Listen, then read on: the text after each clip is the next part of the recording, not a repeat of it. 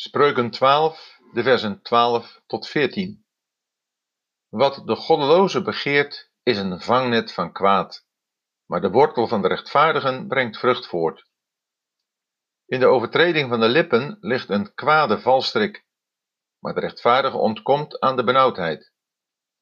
Door de vrucht van zijn mond wordt iemand met goed verzadigd, en wat mensenhanden verdienen, keert bij hem terug. De goddeloze heeft begeerten.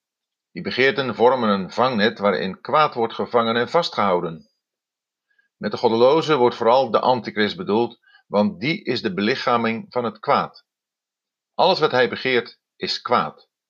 Er is niets goeds in die man. Hij is een gevangene van het kwaad. Hij kan er niet van loskomen en zelf houdt hij het kwaad gevangen. Hij wil het niet loslaten.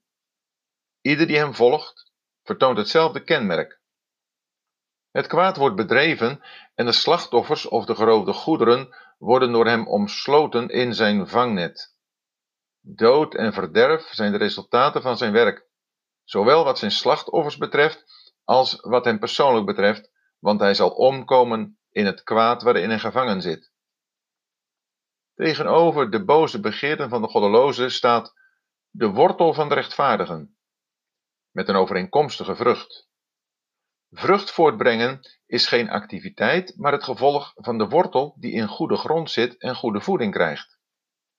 De rechtvaardigen hebben hun wortel in Christus.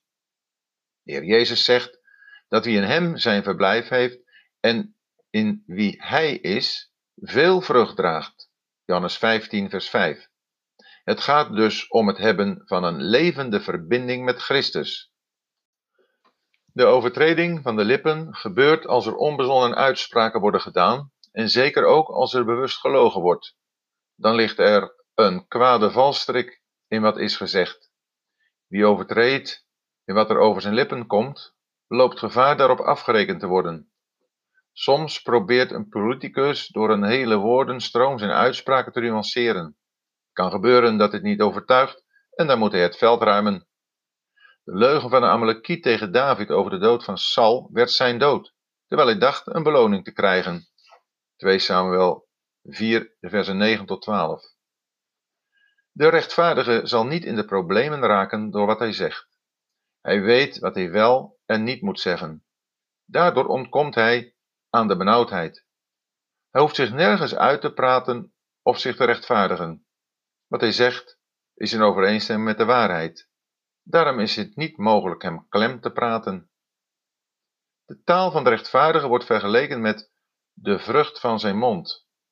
Wie in zijn taalgebruik de waarheid in liefde spreekt, zal met goed verzadigd worden. Goede taal geeft grote voldoening. God heeft de mens een mond gegeven, opdat daaruit vrucht voor hem zou voortkomen, dat wil zeggen lofprijzing, de vrucht van de lippen die zijn naam beleiden. Hebreeën 13, vers 15. God reageert daarop en geeft een verzadiging in het hart dat die vrucht heeft voortgebracht. Ook in het algemeen zal er zegen of het goede zijn voor iemand die in een gesprek wijs en verstandig is, terwijl hij God eert. Een goede raad, een gezonde lering die wordt doorgegeven, is een vrucht van de mond. De mond wordt hier vergeleken met een boom die vruchten voortbrengt. Vrucht veronderstelt groei, schoonheid en de bekwaamheid om anderen voldoening te geven. Vrucht vraagt erom gegeten te worden. Woorden kunnen worden gegeten. Jeremia 15, vers 16. Timotheus was opgevoed in de woorden van het geloven van de goede leer die hij nauwkeurig had nagevolgd. 1 Timotheus 4, vers 4. Daardoor kon hij die als de vrucht van zijn mond doorgeven. Jozua en Caleb hebben goede woorden over het land gesproken en zijn met goed verzadigd.